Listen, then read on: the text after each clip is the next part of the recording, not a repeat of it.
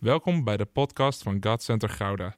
Vanaf deze plek willen we jou inspireren, motiveren en activeren om op een praktische manier je dagelijks leven met God vorm te geven.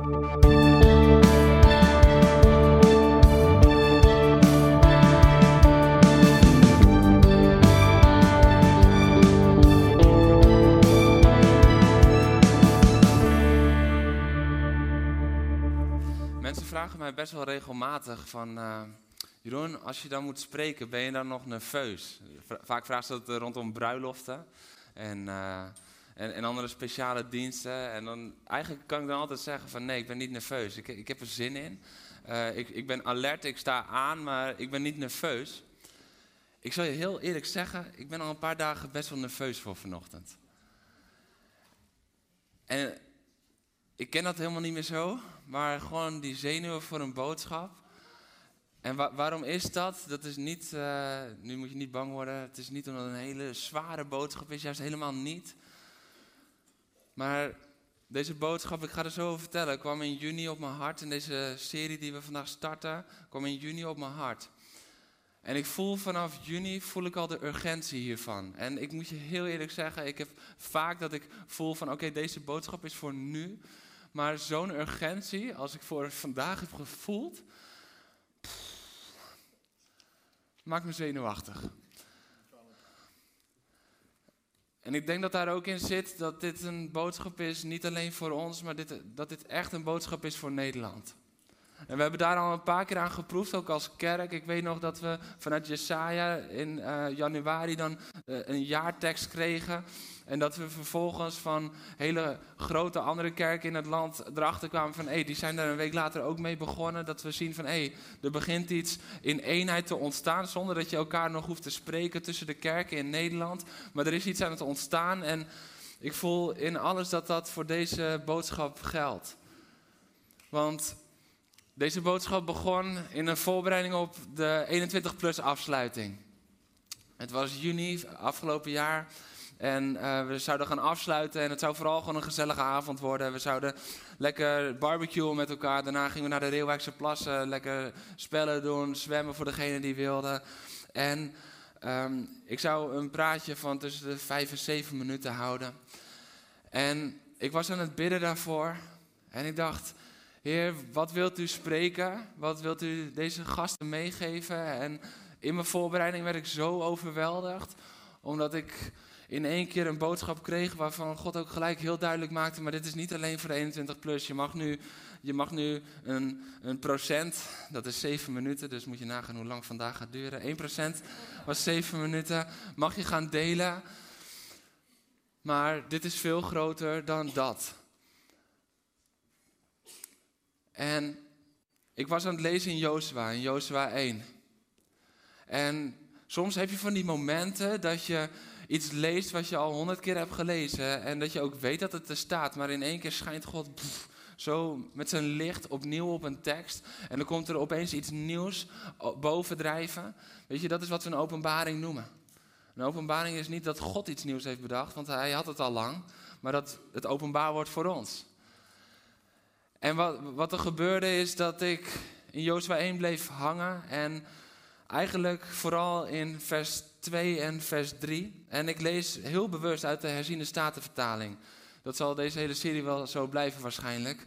Omdat daar staat het wat dichter op de grondtekst, waardoor veel meer de essentie van Gods woorden heel specifiek tot Jozua worden genoemd. En we gaan straks gaan we alles lezen, maar ik pak even vers 3 eruit.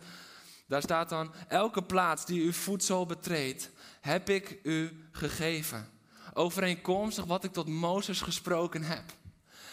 Elke plaats heb ik u gegeven. Overeenkomstig wat ik tot Mozes gesproken heb. En dit zegt God tegen Jozua net nadat Mozes is gestorven. En dan wordt het duidelijk. En ik was aan het bidden. En dit is wat God zo duidelijk zei. Ik wil de verloren belofte vervullen. Want er zijn beloftes verloren gegaan over Nederland. Er zijn verlo- verloren beloftes voor de kerk in Nederland.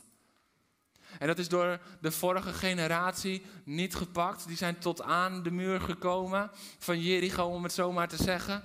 Maar die zijn uiteindelijk niet binnengegaan en daar is een belofte verloren gegaan. En even voor de duidelijkheid, als ik het heb over een generatie, dan moet je niet denken van, oh, hij is rond de 30, ik ben bijna 60. Nou heeft hij het over mij. Nee, generatie in levende mensen. Dus wij zijn één generatie kerk met elkaar.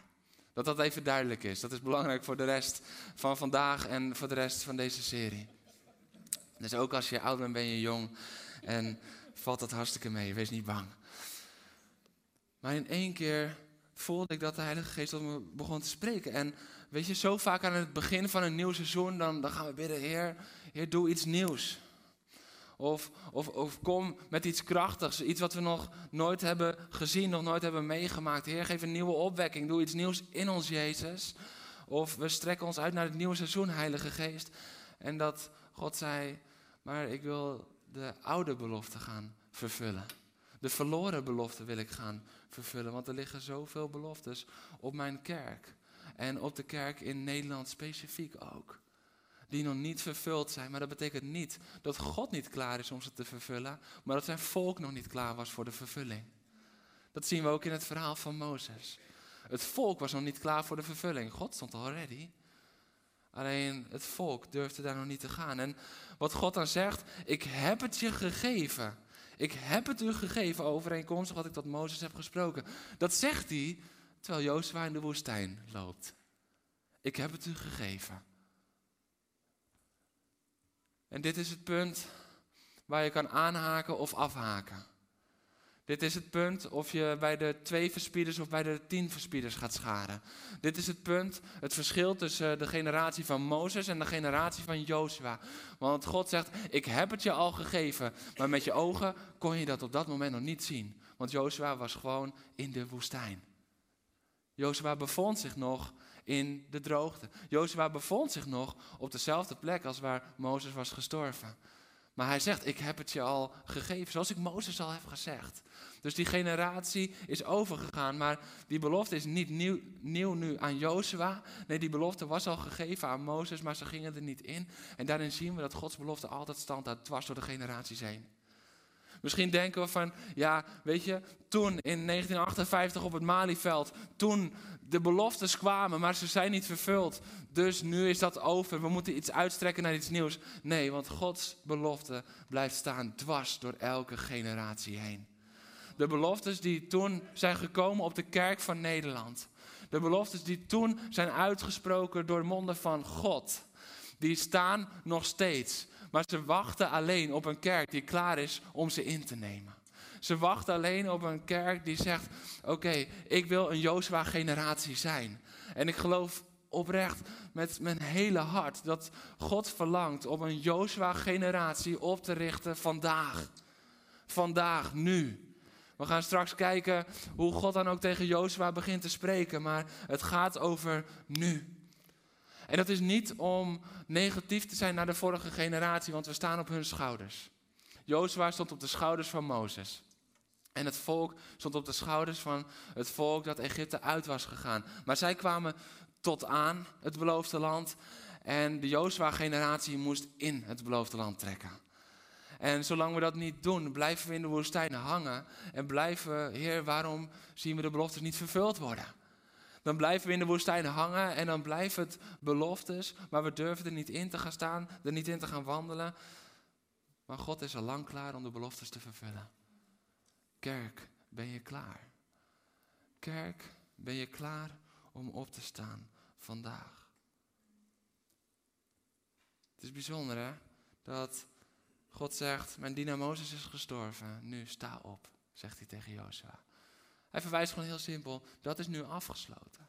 Die generatie is nu voorbij gegaan. Ik richt een nieuwe generatie op. En waar begint de oprichting van die nieuwe generatie? Zit niet langer staan. Dat is wat daar gebeurt. Mozes is gestorven. Een verloren belofte van 40 jaar eerder. 40 jaar daarvoor waren ze al daar aan de rand van het beloofde land. Maar ze zijn het niet ingegaan. En Jozua moest opstaan om de verloren belofte vervuld te zien worden. Want Gods beloften kunnen verloren gaan, maar ze zullen uiteindelijk altijd vervuld gaan. Ze zullen altijd vervuld raken. Ze zullen altijd vervuld worden. En over opstaan gesproken, we gaan lezen uit het woord. Jozua 1, vers 1 tot en met 9. En ik lees dus uit de herziene statenvertaling. Dus als je een MBV-bijbel hebt, schrik niet. Het is hetzelfde, maar in iets andere woorden. Op het scherm hebben we wel de HSV. Het gebeurde na de dood van Mozes, de dienaar van de Heer, dat de Heer tegen Jozua, de zoon van Nun, de dienaar van Mozes, zei: Mijn dienaar Mozes is gestorven. Nu dan, sta op, steek deze Jordaan over, u en heel dit volk, naar het land dat ik aan hen, de Israëlieten, ga geven. Elke plaats die uw voedsel betreedt, heb ik u gegeven, overeenkomstig wat ik tot Mozes gesproken heb. Van de woestijn en deze Libanon af tot aan de grote rivier, de rivier de Eufraat. Heel het land van de Hethieten en tot aan de grote zee waar de zon ondergaat zal uw gebied zijn. Niemand zal tegenover u stand houden alle dagen van uw leven. Zoals ik met Mozes ben geweest, zo zal ik ook met u zijn. Same God. Zoals ik met Mozes ben geweest, zo zal ik ook met u zijn. Ja, weet je, was ik maar 40 jaar geleden al eh, eerder geboren, want dan had ik het Malieveld meegemaakt. Dan had ik de grootste opwekking van Nederland meegemaakt. Zoals ik toen in 1958 met Nederland was, zo zal ik ook nu zijn. Zullen we het wat dichterbij trekken? Zoals ik 20 jaar geleden in jouw leven was, toen je nog vol vuur en vol passie was, en vol geloof en vol vertrouwen was, zo ben ik ook nu. En zoals ik met jouw vader was, zoals ik met jouw moeder was, zoals ik met jouw opa en oma was, die zo'n voorbeeld voor jou waren. En je denkt, waarom zij wel en waarom zie ik het niet in mijn leven? Zo zal ik ook met jou zijn. Zoals ik met Mozes was, zo zal ik ook met jou zijn, Jozua. Iedere leider, ieder mens, ieder kind van God heeft nodig om dit te horen. Zo zal ik ook met u zijn. Ik zal u niet loslaten en u niet verlaten. Wees sterk en moedig, want u zult dit volk, het land dat ik hun vaderen gezworen heb hun te geven, in erfbezit laten nemen. Hun vaderen, over de generaties heen gaat het nu gebeuren. Alleen wees sterk en zeer moedig. Door nauwlettend te handelen overeenkomstig heel de wet die ik Mozes, mijn dienaar, u geboden heeft. Wijk daar niet vanaf, naar links of naar rechts, opdat u verstandig zult handelen vooral, overal waar u gaat. Dit boek met deze wet mag niet wijken uit uw mond, maar u moet het, over, uh, moet het dag en nacht overdenken, overpeinzen zodat u nauwgelet zult handelen en overeenkomstig alles wat daarin geschreven staat. Dan immers zult u uw wegen voorspoedig maken en zult u verstandig handelen. Heb ik u niet geboden, wees sterk en moedig. Schrik niet en wees niet ontsteld, want de Heer, uw God, is met u overal waar u ook gaat. Amen. Amen.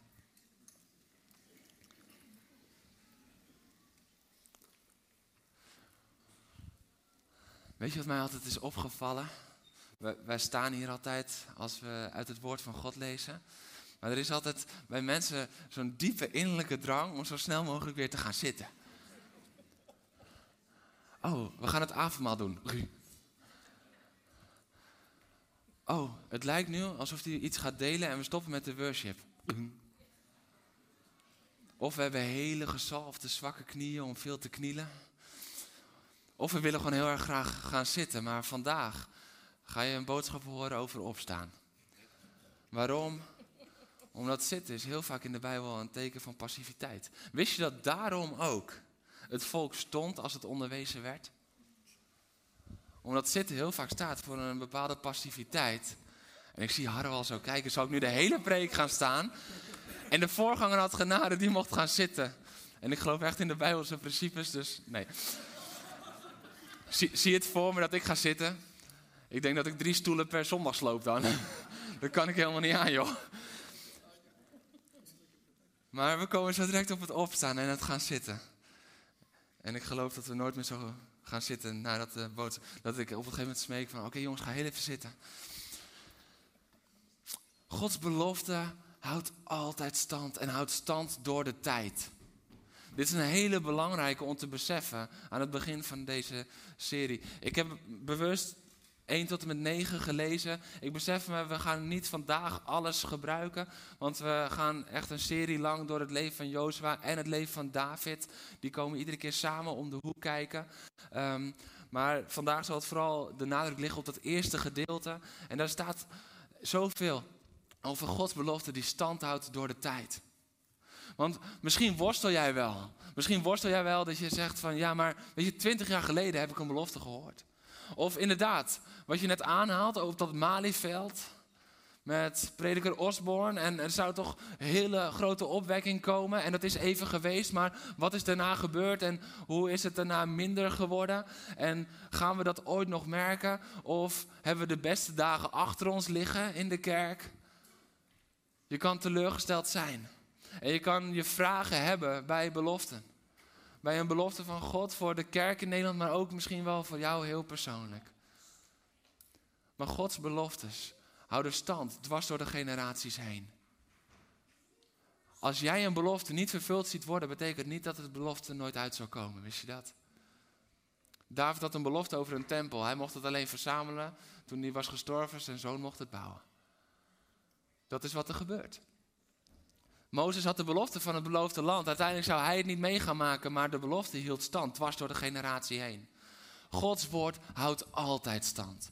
Mocht je daar twijfels over hebben, zijn woord houdt altijd stand. Dit volk, 40 jaar geleden, waren ze net zo ver als 40 jaar later. Aan de rand van het beloofde land. 40 jaar geleden waren ze daar ook al. Maar 40 jaar geleden besloten ze meer op tien onderzoekers, spionnen, verspieders te vertrouwen als op één God. En dat wijzigde de hele koers van het volk. Daar gaan we later nog heel veel meer op terugkomen. Maak je klaar. Maar dat is wat daar gebeurde. En dan denken we op het gegeven moment van ja, hier lopen we al 38 jaar, 39 jaar, 40 jaar. Gods beloftes, wat is het nog waard? Waren we maar in Egypte gebleven, kan je dan gaan denken. Maar Gods belofte hield al die tijd stand.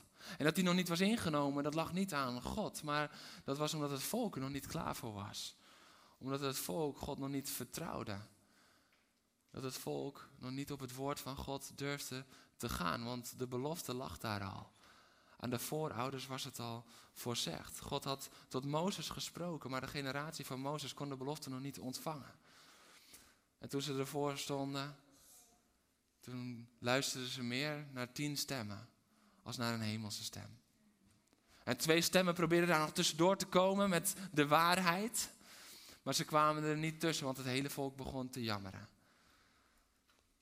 Je kan met je neus voor de vervulling staan, maar zonder het geloof zal de belofte aan je neus voorbij gaan. Want er is geloof nodig om binnen te gaan. En dat is wat daar gebeurt. Niet geen geloof hebben in dat God bestaat, maar in dat God het zal doen. Want ze hadden nog een sprinkhanenmentaliteit. Over actueel gesproken. Wat heeft de kerk tegenwoordig nog een sprinkhanenmentaliteit? Wie zijn wij? We zijn in de minderheid. En als we ons een keertje uitspreken over een principe van God, als we het gaan hebben over, ja, het huwelijk is echt voor man en vrouw, nou dan duiken we heel snel weg, want dan zijn we bang dat we vermosseld worden. Hoezo? Omdat we vermosseld worden. We hebben de waarheid te brengen. We hebben de principes van de schepper van hemel en aarde te brengen. En dat heel veel mensen nog niet beseffen dat dat de schepper van hemel en aarde is, dat is onze taak om het ze te vertellen. Maar dat maakt het niet minder krachtig om in die principes van die schepper te gaan wandelen en ze durven te verkondigen. Het is tijd dat het woord van God weer centraal gaat staan. Want als we het woord van God niet centraal durven te stellen, hoe denken we dan dat we in zijn wegen durven te wandelen? Want ik zeg je alvast, die weg is altijd gefundeerd op zijn woord. Dus als we het woord gaan proberen te verdoezelen, proberen weg te halen of onder te schuiven, dan gaan we stilstaan. En dan gaan we uiteindelijk stilzitten. Daar kom ik zo direct op. Gods woord houdt dwars door de generaties stand. Altijd. En ik weet niet op welke vervulling jij aan het wachten bent, maar weet dat Gods woord stand houdt. Ik weet niet welke belofte er in jouw leven is uitgesproken, maar als het de belofte echt van God was, dan zal die uitkomen. En dat is ook waar veel verwarring ontstaat. Ik heb het hier over de belofte van God. Er zijn veel beloftes die vanuit goede wil misschien zijn uitgesproken, maar die niet overeenkomstig waren met wat God echt wilde zeggen. Ja, dan zullen we, en dat, dat is ook zo lastig, daarom streven we naar zo zuiver mogelijke profetie. Tegelijkertijd zijn we allemaal mensen, dus zullen we fouten blijven maken. Daarom geloven we ook dat profetie moet gebeuren bij het leider, in de aanwezigheid van leiderschap. Niet om te controleren, maar om te ondersteunen. Om je te helpen. Wat als het niet gelijk gebeurt? Of wat als je niet weet wat je ermee moet? Dat je er niet alleen voor staat. Dus dat is niet vanuit controle, maar dat is vanuit bewogenheid. Dat dat duidelijk is. En daar geloven we in als gemeente. Want de leiders, die zijn niet om jou te controleren, om over jou te heersen, maar om jou te dienen. En als we dat beseffen, dan willen we ook eigenlijk alleen maar profetie in de aanwezigheid van onze leiders ontvangen. Want dan weten we van hé, ze willen ons daarin ook dienen en ons ondersteunen en ons helpen. Dus we hebben het hier over een zuiver woord van God. Die zal altijd uitkomen. Misschien niet in jouw generatie, maar beter zijn we dan als David. Dat we alles al bij elkaar hebben eh, verzameld. Zodat Salomo, zijn zoon, het volk kan gaan bouwen. Want wat als David dat niet had gedaan? Dan moest Salomo eerst dat nog gaan doen. Denk ook daarin aan de generatie over ons heen. God is groter dan de generaties en Gods woord is trouwer dan onze toewijding. Gods woord houdt stand. Elke dag van ons leven. Ook als je dat vertrouwen bent verloren. Want ik kan me best voorstellen dat na 40 jaar in de woestijn. En dat je als kind bent opgegroeid. En, en dat je van alles hebt gehoord over die uittocht in Egypte. Maar zelf heb je alleen de woestijn gezien. Dat je van alles hebt gehoord over die opwekking in Nederland, maar zelf heb je alleen de woestijntijd gezien. Dat je denkt, ja, ik weet het niet. Maar God zegt, same God. Ik ben dezelfde God. En mijn woord houdt stand. In het leven van David zien we dit ook. David die komt op het gegeven moment uh, komt hij bij het strijdveld. En hij komt bij het strijdveld en wat komt hij daar tegen? Een hele grote man met een hele grote mond met heel veel vervloekingen, schelden en gewoon het klein houden van de tegenstander. Zijn naam is Goliath. Wat we zien. Peter gaat die deur daarboven dicht. kan iemand die deur dicht doen op de tweede verdieping? Wat we daar zien. Is dat ook weer een belofte verloren dreigt te gaan. Want koning Saul, en daar gaan we later in deze serie uitgebreid op terugkomen, die was aangesteld om de veldslagen te voeren voor het land, voor het volk. Maar koning Saul, die rent voorop weg als Goliath het dal inloopt en die rent voor zijn troepen uit, maar wel de verkeerde kant op. Terug naar waar hij zit, veilig in een tent, bang. Want David komt bange soldaten, een angstig leger een scheiter van een koning komt hij tegen. Want dat is wat daar aan de hand is. En de belofte van God, die lijkt verloren te gaan. Want mensen beginnen te twijfelen van, Heer, u had toch gezegd dat we een vrij volk zouden zijn? Nou, het lijkt erop alsof we nu weer slaven gaan worden. Want dat roept hij elke dag. Wist je dat de stem van intimidatie tussen de belofte en de vervulling hoogtijdagen viert, dat is het enige moment dat hij wat kan. Voor de belofte heeft hij niets om te intimideren. Na de vervulling is hij verslagen in zijn kop eraf. Dat was Goliath. Dat is wat er gebeurt. Dus die intimidatie die komt. Maar dan is de vraag, gaan we luisteren naar de intimidatie of naar de belofte? Want uiteindelijk, het volk moest 40 jaar in de woestijn. Maar het leger staat 40 dagen met knikkende knieën. En elke ochtend en elke avond, dan heffen ze strijdliederen aan. En dan komt Goliath weer en dan wil hij ze uitdagen en dan rennen ze keihard weg. Totdat David komt. Totdat de belofte vervuld wordt. Totdat David opstaat en Gods belofte stand houdt. Dwars door die 40 dagen heen. Dwars door de tijd heen dat de twijfel was gekomen. David staat op en Gods belofte wordt vervuld. Gods belofte dat zijn, zijn volk zou overwinnen wordt vervuld. Gods belofte houdt altijd stand. In jouw leven, over de gemeente, over Nederland. Gods belofte houdt altijd stand. En daarom geloof ik dat deze boodschap voor heel Nederland is. Want de kerk is gaan zitten. Want Mozes is gestorven. De kerk is gaan zitten. Mozes is gestorven. En we gaan erbij zitten, want ach, ja, wat moeten we nu? De grote de grote opwekking hebben we toen meegemaakt. Maar daarna zien we het niet meer helemaal. De grote belofte die hebben we gehoord, maar de generatie is gestorven. De grote belofte die werd uitgesproken, maar ik heb er niets van gezien. Zelfs Jozua ging zitten. Anders hoefde God nou niet te zeggen, sta op. Soms zegt de Bijbel iets wat er niet geschreven staat. Hè?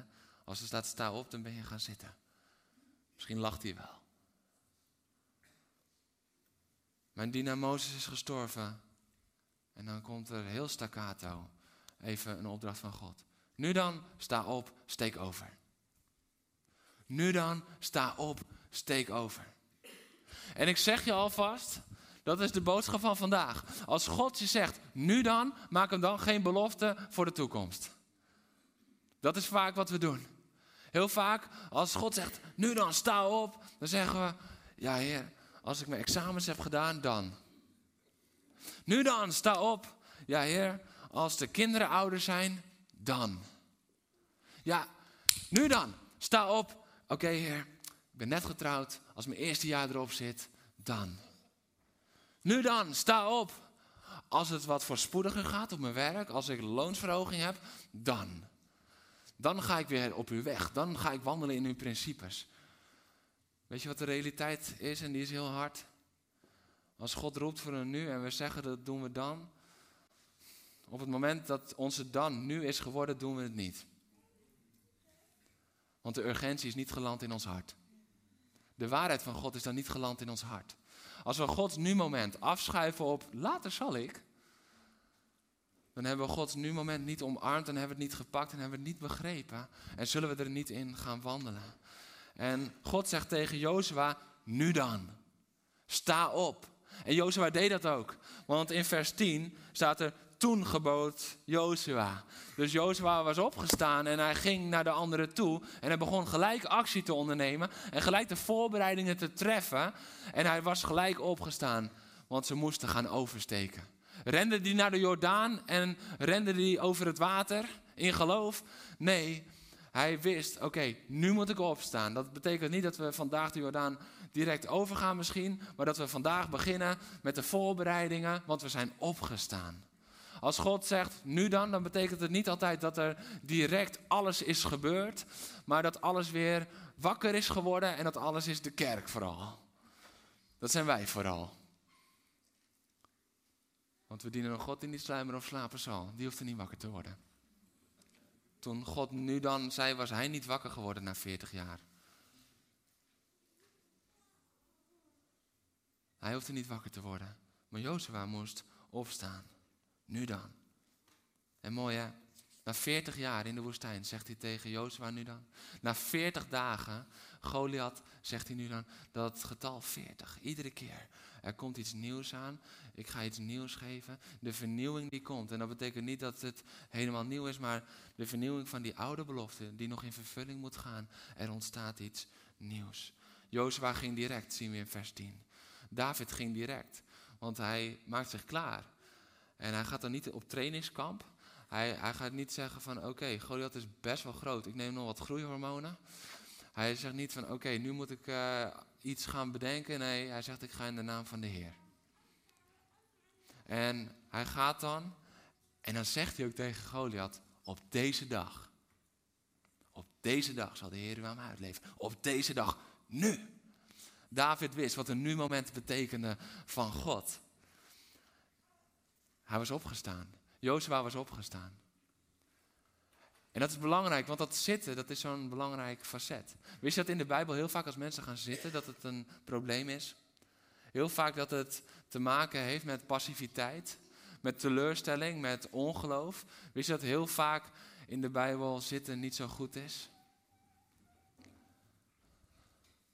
Elia, die ging zitten en dat werd zelfs liggen door teleurstelling, door angst. En wat zegt de engel van de Heer als die bij hem komt? Sta op, eet. Ik weet niet of het je is ontgaan, maar op zich hoef je niet op te staan om te eten. Dat kan ook zittend en in de tijd van de Bijbel deden ze dat aanliggend. Dus er zit een betekenis in dat God zegt: sta op en eet. Waarom?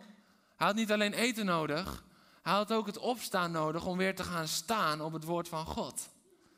Hij moest weer gaan staan, hij moest weer geactiveerd worden om zijn teleurstelling en zijn angst achter zich te laten. Er zit een diepere betekenis in twee woorden dan we soms denken. Saul, op het moment dat ze gaan strijden tegen de Filistijnen, die zit dan onder de granaatappelboom. Hij zit daar lekker en Jozua trekt ten strijde. Maar hij zit daar, want hij is bang. Hij is iedere keer bang, overigens.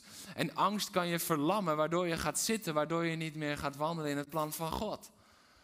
Waardoor we de belofte laten liggen, want Saul zou voorop gaan en hij zou overwinnen, maar hij durft niet meer te gaan, dus hij gaat zitten, waardoor ze de vervulling van de belofte niet zien gebeuren. Maar gelukkig is daar Jonathan en later is daar gelukkig David.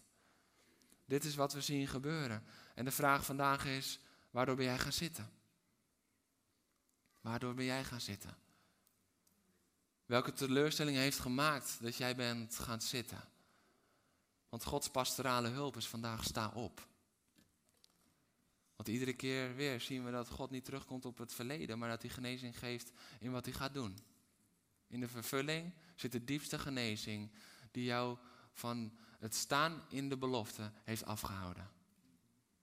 In de vervulling zit de diepste genezing. Welke angst heeft gemaakt dat je bent gaan zitten? Want jouw doorbraak zit in sta op. Jouw doorbraak komt door het sta op. Welke frustratie, hoogmoed, onzekerheid, verdriet maakt dat je bent gaan zitten? Want jouw genezing zit in sta op. God zegt sta op. En wij zouden allemaal zeggen van dat is pastoraal niet verantwoord.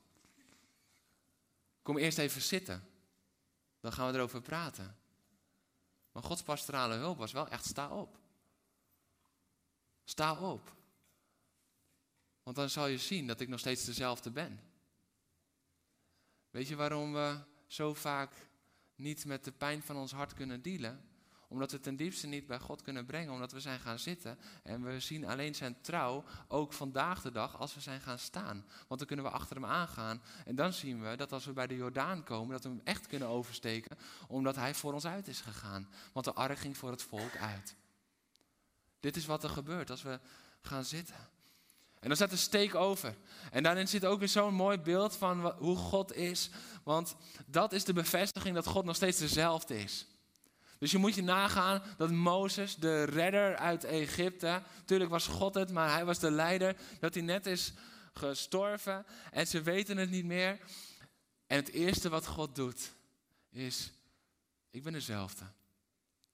De weg met Mozes, die begon door het water. De weg met Jozua begint door het water. Nog iets dieper, de weg van Jezus die begon door het water. En nog dieper, onze weg begint door het water. Bekeert u en laat u dopen.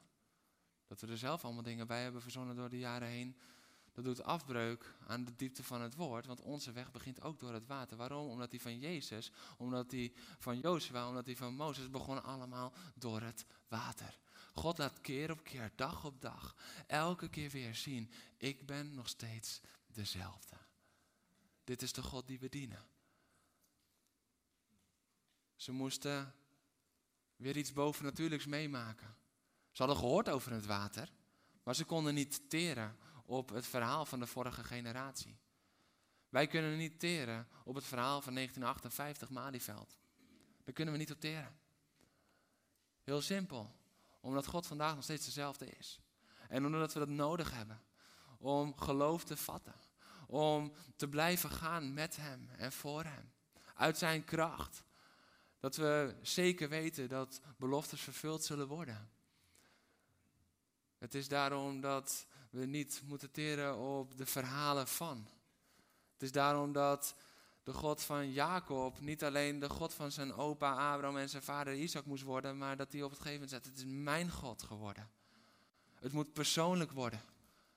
Want zolang God de God van je vader is, van je moeder is, van je opa is, van je oma is, dan heb je een voorbeeld, maar hij moet persoonlijk jouw redder worden. Hij moet persoonlijk worden. Want dan kan je achter hem aan door het water. Zolang God niet persoonlijk is geworden voor jou, ga je het water niet door. En als we dat dan even betrekken op de doop. 25 september hebben we doopdienst. Dan weet je dat alvast. Als we dat even betrekken op de doop. Je kan het water niet door als hij niet persoonlijk is geworden. Maar als hij persoonlijk is geworden voor jou, dan is het eerste wat je mag doen door het water gaan. Waarom? Je hoeft jezelf er niet doorheen te banjeren of er doorheen te zwemmen. Nee, want hij heeft het droog gelegd voor jou. Hij heeft het droog gelegd voor jou. Want hij ging voor het volk uit. En dan zien we nog één ding wat het volk moest doen voordat ze het beloofde land ingingen. En dat is het favoriete gedeelte van alle mannen hier. Jij weet wat er staat, de, rest nog niet. of ze hebben een hele goede pokerface. Ze gaan terug naar de principes van God. Want die hadden ze verwaterd.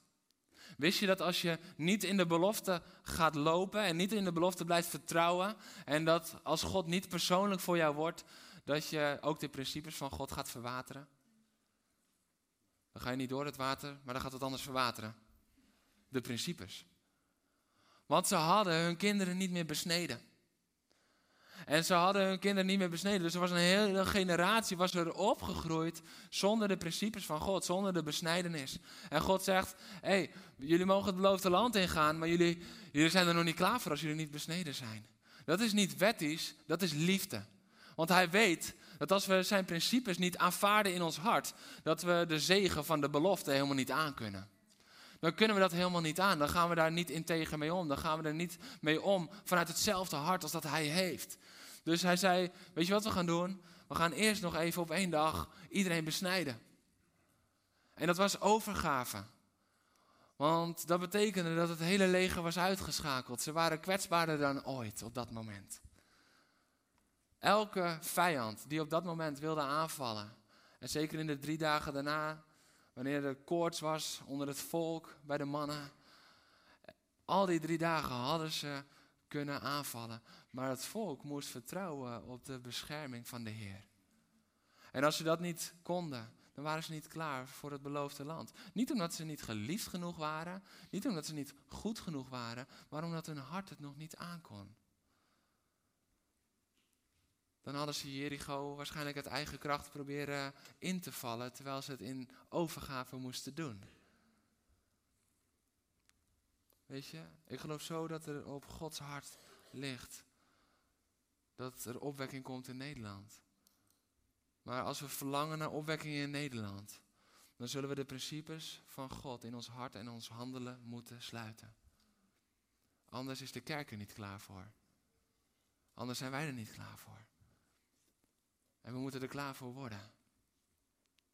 Ik denk dat dat een van de grote sleutels is voor de komende weken, maanden. Dat we de principes van God gaan herontdekken. En dan nogmaals, niet uit wettisch opzicht, maar in samenwerking met die belofte. Omdat we weten dat het ons bij de vervulling brengt. Want ze moesten eerst besneden worden, daarna kon Jericho ingenomen worden. Weet je, heel vaak lezen wij het verhaal van de Jordaan. En dan gaan we door naar Jericho. En dat is de naam van de Heer ijdel gebruiken. Ga zult de naam van de Heer niet ijdel gebruiken. En wij denken dan alleen aan, je zal niet vloeken op het voetbalveld. Maar wat als we de naam van de Heer gebruiken voor wat wij lekker vinden en de rest van de naam van de Heer weglaten? Misschien is dat wel het ijdelgebruik van deze tijd. De principes van God moeten hersteld worden. En de belofte, de diepste belofte ooit gegeven, is al vervuld. De diepste belofte ooit is al vervuld. Weet je, David was koning. En uit zijn nageslacht zou Jezus komen. Hij was al een vooraankondiging van de diepste belofte, de grootste belofte, de belangrijkste belofte ooit gegeven. En Jezus is vervuld. Jozua, dat weten we vaak niet, maar in Zachariah 6, vers 11 staat dat hij ook de hoge priester was. Dus hij was ook al het beeld van de hoge priester met een hoofdletter, want Jezus wordt ook de hoge priester genoemd. Hij was het beeld van de hoge priester die uiteindelijk de belofte tot vervulling zou laten komen. Zoals de, de verloren belofte was door de eerste Adam. En in de tweede Adam werd de belofte vervuld. De belofte werd verloren door de zonde bij de eerste Adam, maar door de tweede Adam, Jezus Christus, werd de belofte vervuld. Het is hersteld. Overwinning kwam door David. Niet door Saul, maar door David. En uit zijn nageslag kwam Jezus. Overwinning kwam door Jozua. En hij is het beeld van die hoge priester. En in Jezus, in hem is alles vervuld.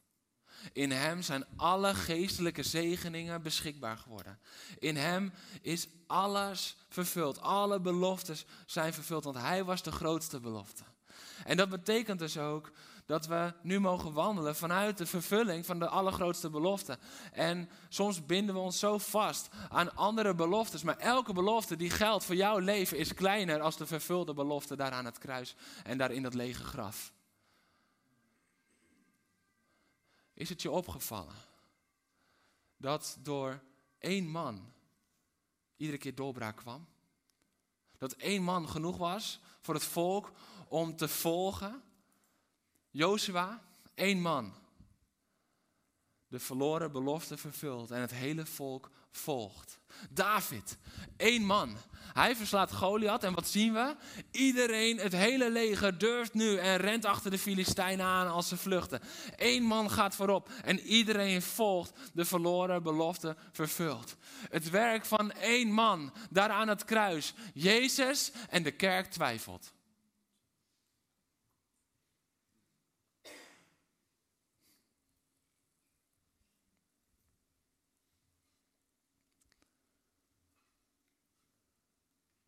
Kerk twijfelt zo vaak.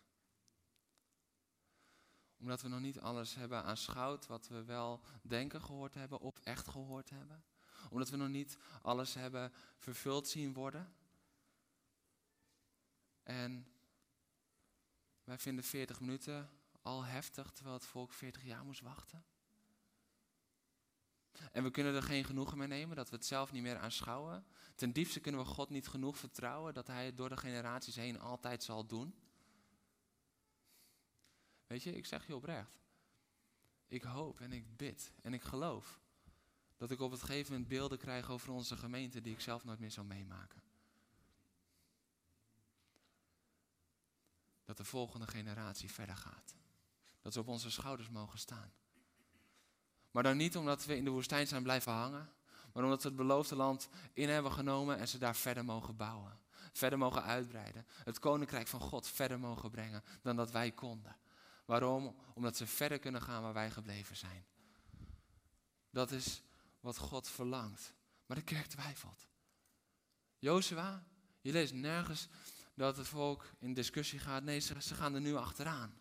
David, op het moment dat dat hoofd van Goliath eraf ligt, dan denken alle Israëlieten van knikkende knieën naar ijzersterke benen. En opeens kunnen ze gaan. En ze gaan allemaal stormen ze dat dal in.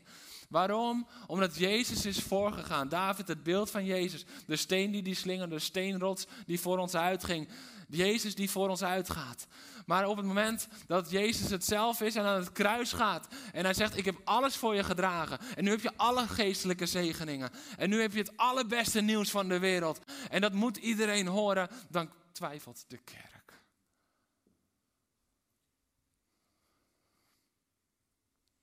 En ik zeg je eerlijk, toen ik het opschreef, toen huilde ik. Want hoe kan het zijn dat de kerk twijfelt?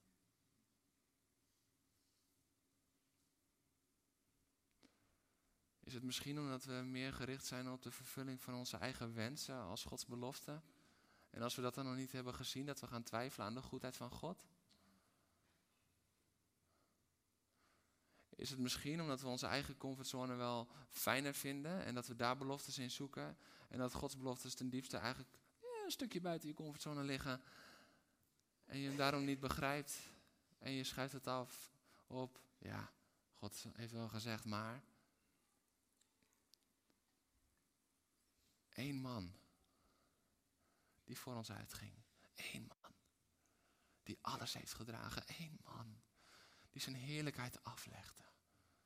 Die zei in de hemel tegen zijn vader, ik ga. Ik ga. En ik zal onder zijn leven. En ik zal niet als koning komen. maar ik zal als dienaar komen. Eén man. De discipelen die snapten niet dat de belofte vervuld was, omdat het anders ging als dat zij dachten.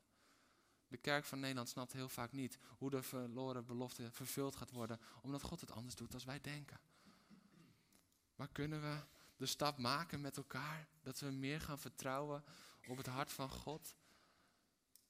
Als onze eigen wensenlijst of onze eigen invulling daarvan, onze eigen gedachten over hoe God die belofte dan gaat vervullen. Wij leven in een tijd dat de allergrootste en allerbelangrijkste belofte al vervuld is. Daar aan het kruis. Toen het graf leeg was, op Pasen. Dat ze daar kwamen en de steen was weggerold.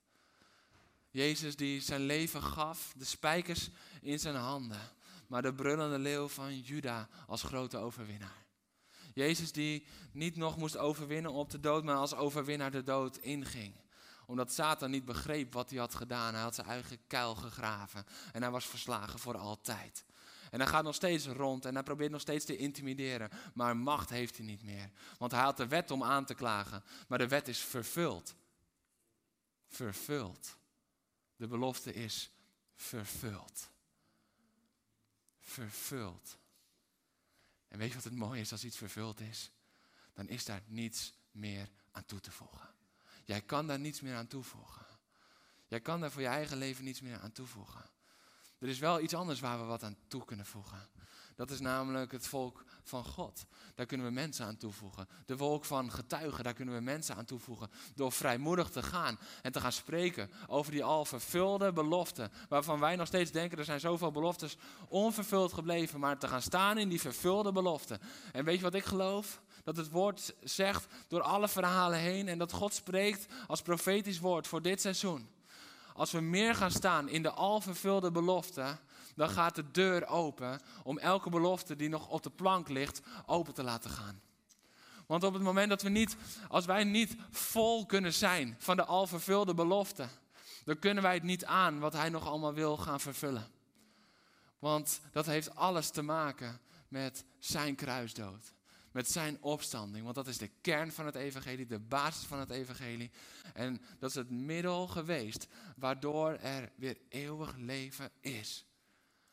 En als we daar zelf niet vol genoeg van zijn en we laten ons afleiden door andere beloftes, omdat we die belangrijker vinden, als dat we elke dag vreugde vinden in het kruis. Weet je dat dit is waarom Paulus schrijft dat we altijd verheugd kunnen zijn? Als we dit missen, dan zijn we niet altijd verheugd. Ik ben erachter gekomen in mijn eigen leven. Als ik een dag niet verheugd ben, moet ik knielen bij het kruis. Als ik niet verheugd ben, dan heb ik de grote belofte die al vervuld is, heb ik gemist voor die dag. En beter ga ik door mijn knieën. En zoek ik weer vreugde in Hem die alles heeft gedragen voor mij. En dan kan het stormen, dan kunnen we door zware dingen gaan, dan kunnen we mensen verliezen, dan kunnen we dingen verliezen, dan kunnen we een baan verliezen, dan kunnen we aanzien verliezen. Maar dan kunnen we vreugde hebben, omdat de grootste belofte van ons leven al die tijd al vervuld is. En dan kunnen we gaan staan in dat elke plaats die uw voedsel betreedt, heb ik u gegeven. Waarom kon hij dat zeggen? Omdat hij het al had gesproken tegen Mozes en Gods woord is waar. Maar dit is ook een vers, dit is ook een woord van God voor vandaag de tijd. Want hij zegt tegen ons ook, overal waar we gaan, die plek heb ik je gegeven. Niet omdat je het zo geweldig doet, niet omdat je zoveel training hebt gevolgd dat je er klaar voor bent, maar gewoon heel simpel, omdat mijn zoon je is voorgegaan. Waarom was elke plek die Joshua beging hem gegeven omdat de ark voor hem uitging? En daarom staat er, ga niet een beetje links, ga niet een beetje rechts, maar zorg dat je recht erachteraan gaat. En, en word er vertrouwd mee. En, en, en laat je vullen met mijn woord en mijn principes continu, continu, zodat je achter mijn aanwezigheid aan blijft lopen. Zodat je precies gaat waar ik al voor ben gegaan, want ja, daar is de Jordaan wel drooggelegd. Als hij een paar graden naar links was afgebogen, dan was hij na een paar honderd meter, was hij behoorlijk wat meters van de Jordaan afgeweken. En dan had hij gewoon voor een watermassa gestaan. We vragen ons zo vaak af, Heer, u heeft toch beloofd, maar ik zie het nu niet. Misschien moeten we ons kompas een klein beetje aanpassen en volledig voor elk principe van God gaan staan en erachteraan gaan. Want na 50 kilometer is 2 graden verschil in je looproute een takkenend. Ja, probeer het maar eens gewoon met een dropping. Ik spreek je, nou niet de volgende ochtend, maar de dag erna. Want je hebt een ommetje gelopen. Een groot ommetje. Daarom zegt God ook, hou je aan al de woorden die Mozes, aan alles wat de vorige generatie heeft geleerd, aan alles wat ik heb gesproken. Niet aan een beetje, niet aan wat jij lekker vindt, maar aan alles. En dan zal de Jordaan drooggelegd worden. Mozes had ze gebracht tot aan het beloofde land en Jozua mocht de volgende stap nemen. Ik geloof dat het profetisch woord over de gemeente en over Nederland is vandaag. Dat we een Joshua-generatie zijn. Een Joshua generation. Het beloofde land in Nederland moet ingenomen worden. We hebben ervoor gestaan. We zijn vrijgemaakt. Er is redding geweest. Er is een opleving geweest. We zijn geen slaven meer. Maar het is nu tijd om in die belofte te gaan staan. En ik begon met die belofte over Nederland. En ik wil je zeggen, God verlangt naar een opwekking in Nederland. God verlangt er zo naar. Ik ben er persoonlijk van overtuigd, en dat is niet een theologische leer, maar ik, ik ben ervan overtuigd dat God vaker helpt om het ontbreken van opwekking als wij allemaal bij elkaar. Want heel eerlijk, wanneer is de laatste keer dat je hebt gehuild om het ontbreken van opwekking? Of misschien nog één stapje makkelijker. Wanneer is de laatste keer dat je hebt gehuild om het wonder van het kruis voor jou persoonlijk? Want als we daar niet meer om geraakt zijn, als dat niet meer binnenkomt, dan zullen we ook het verlangen naar opwekking niet meer binnen laten komen. Maar weet je waar God eerst naar verlangt voordat hij opwekking kan geven? Dat zijn kinderen. Dat zijn volk. Dat zijn bruid. Dat zijn discipelen. Dat ze opstaan. Want God kan geen opwekking geven als zijn kerk niet opstaat. God kan geen opwekking geven als zijn kerk niet opstaat. En dan heb ik het niet over dat we uh, opeens heel veel enthousiaster moeten gaan doen in een dienst of zo. Ik heb het er niet over dat we dan harder amen roepen als ik een goed punt aansnij. Maar dat je intrinsiek zo geraakt bent dat je leven radicaal verandert. Dat je leven opgewekt wordt. Want hij wil dat zo graag voor jou. En misschien denk je, ja, maar misschien, dan, dan moet ik zoveel doen. En, maar hij, hij wil jou tot volle bloei brengen. Weet je, dat is ook opwekking.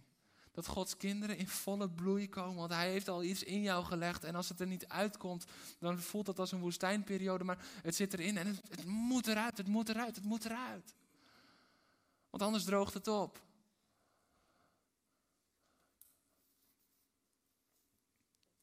Dat we alles in zijn hand gaan leggen. Maar dan ook echt alles. T.L. Osborne, 1958 in Nederland. Op een van zijn campagnemomenten preekte hij uit Jesaja 55, vers 10 en 11. En dit is een heel bekend stuk. Het is een heel bekend stuk en ik wil het lezen. Maar ik wil ook met je kijken wat daarvoor staat. Jesaja 55. Want zoals regen of sneeuw neerdaalt uit de hemel. En daarheen niet terugkeert, maar de aarde doorvochtigt. En maakt dat zij voortbrengt en doet opkomen. Zaad geeft aan de zaaier en brood aan de eter. Zo zal mijn woord zijn dat uit mijn mond uitgaat, zegt God. Mijn is met hoofdletters. En het zal niet vruchteloos naar mij terugkeren zijn woord houdt stand, altijd, dwars door generaties heen. Dwars door ons ongeloof misschien soms heen. Zijn woord houdt stand, het zal niet vruchteloos tot mij terugkeren, zegt hij. Maar het zal doen wat mij behaagt.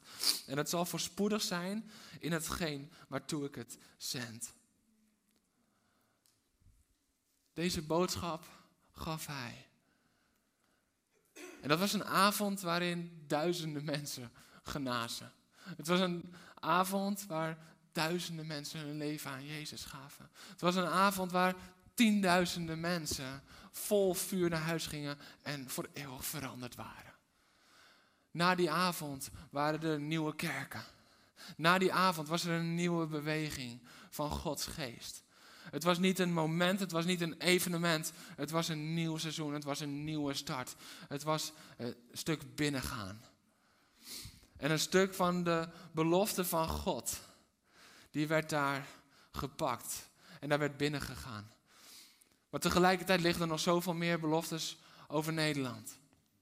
Over Nederland. Over de kerk in Nederland. Over de mensen die nu nog met lege ogen rondlopen.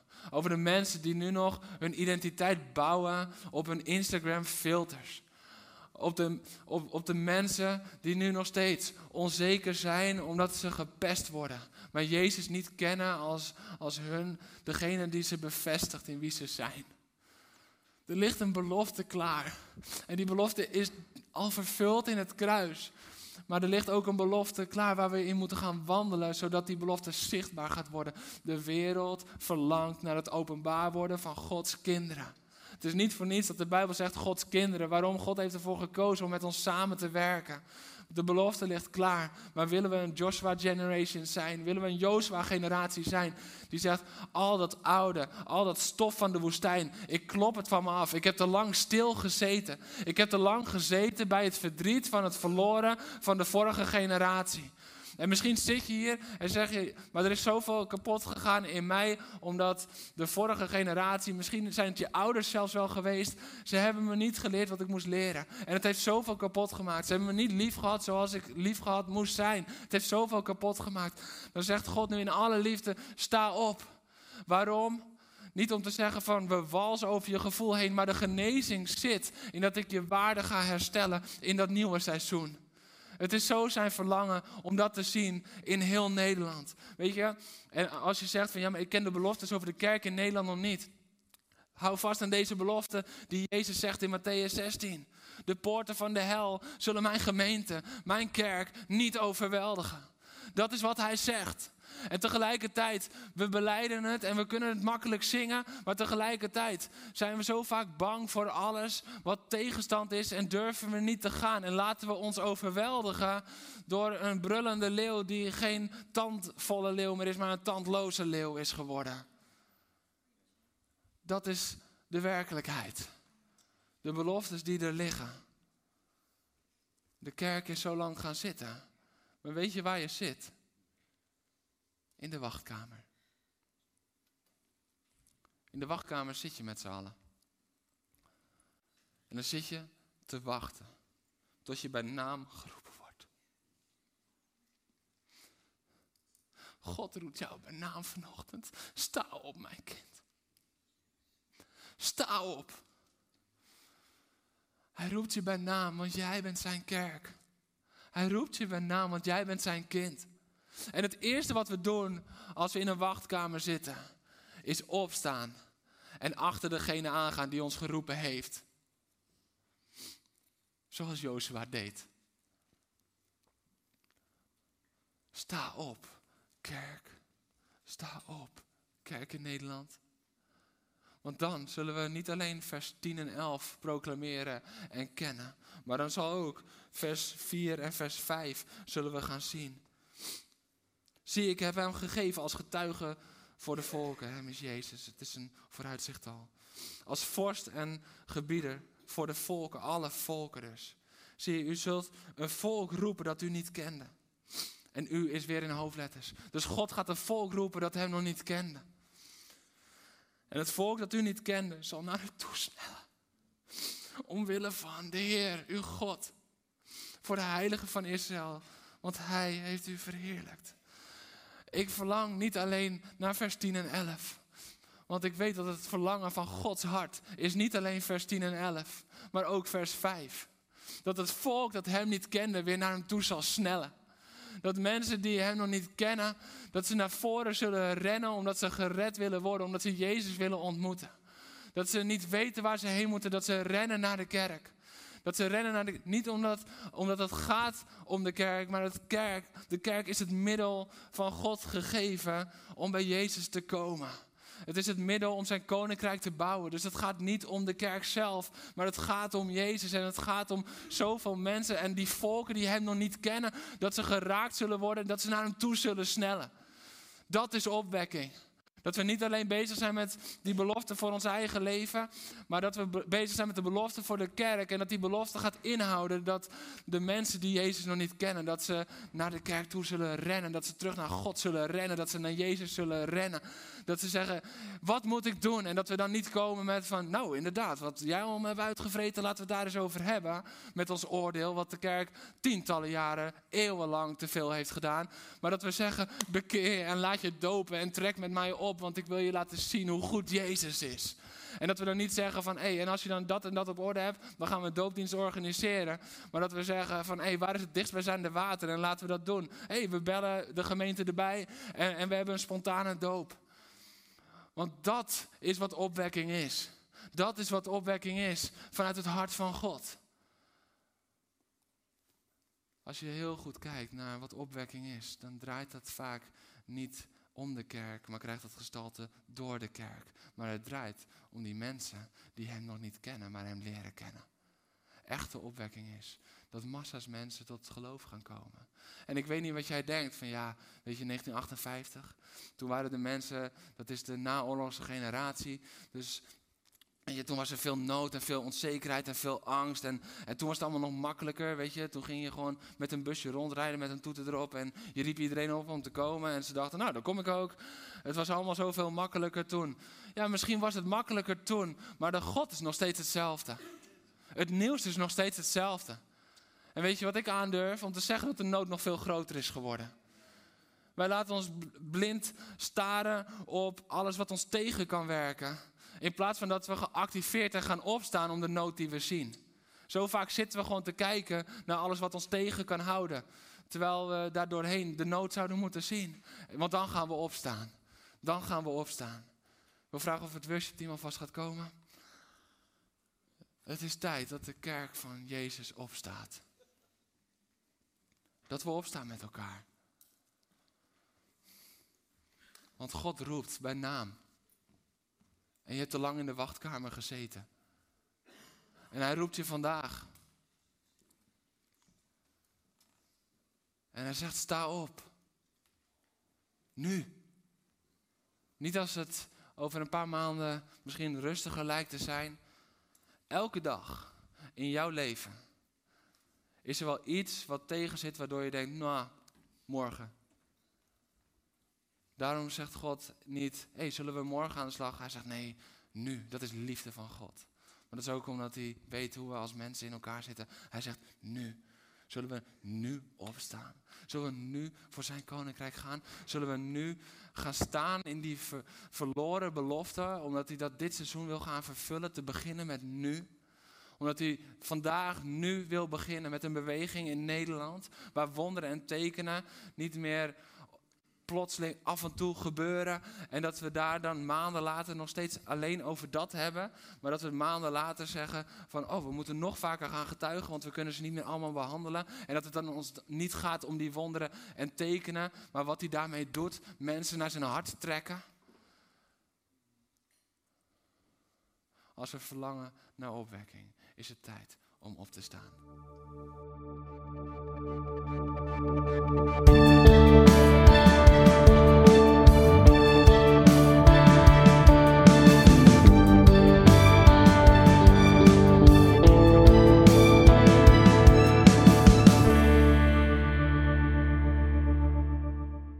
Bedankt voor het luisteren naar deze podcast. Volg ons op onze kanalen om verbonden te blijven. Heeft deze aflevering jou geraakt? Deel dan op je socials en tag ons, zodat we samen meer mensen kunnen bereiken.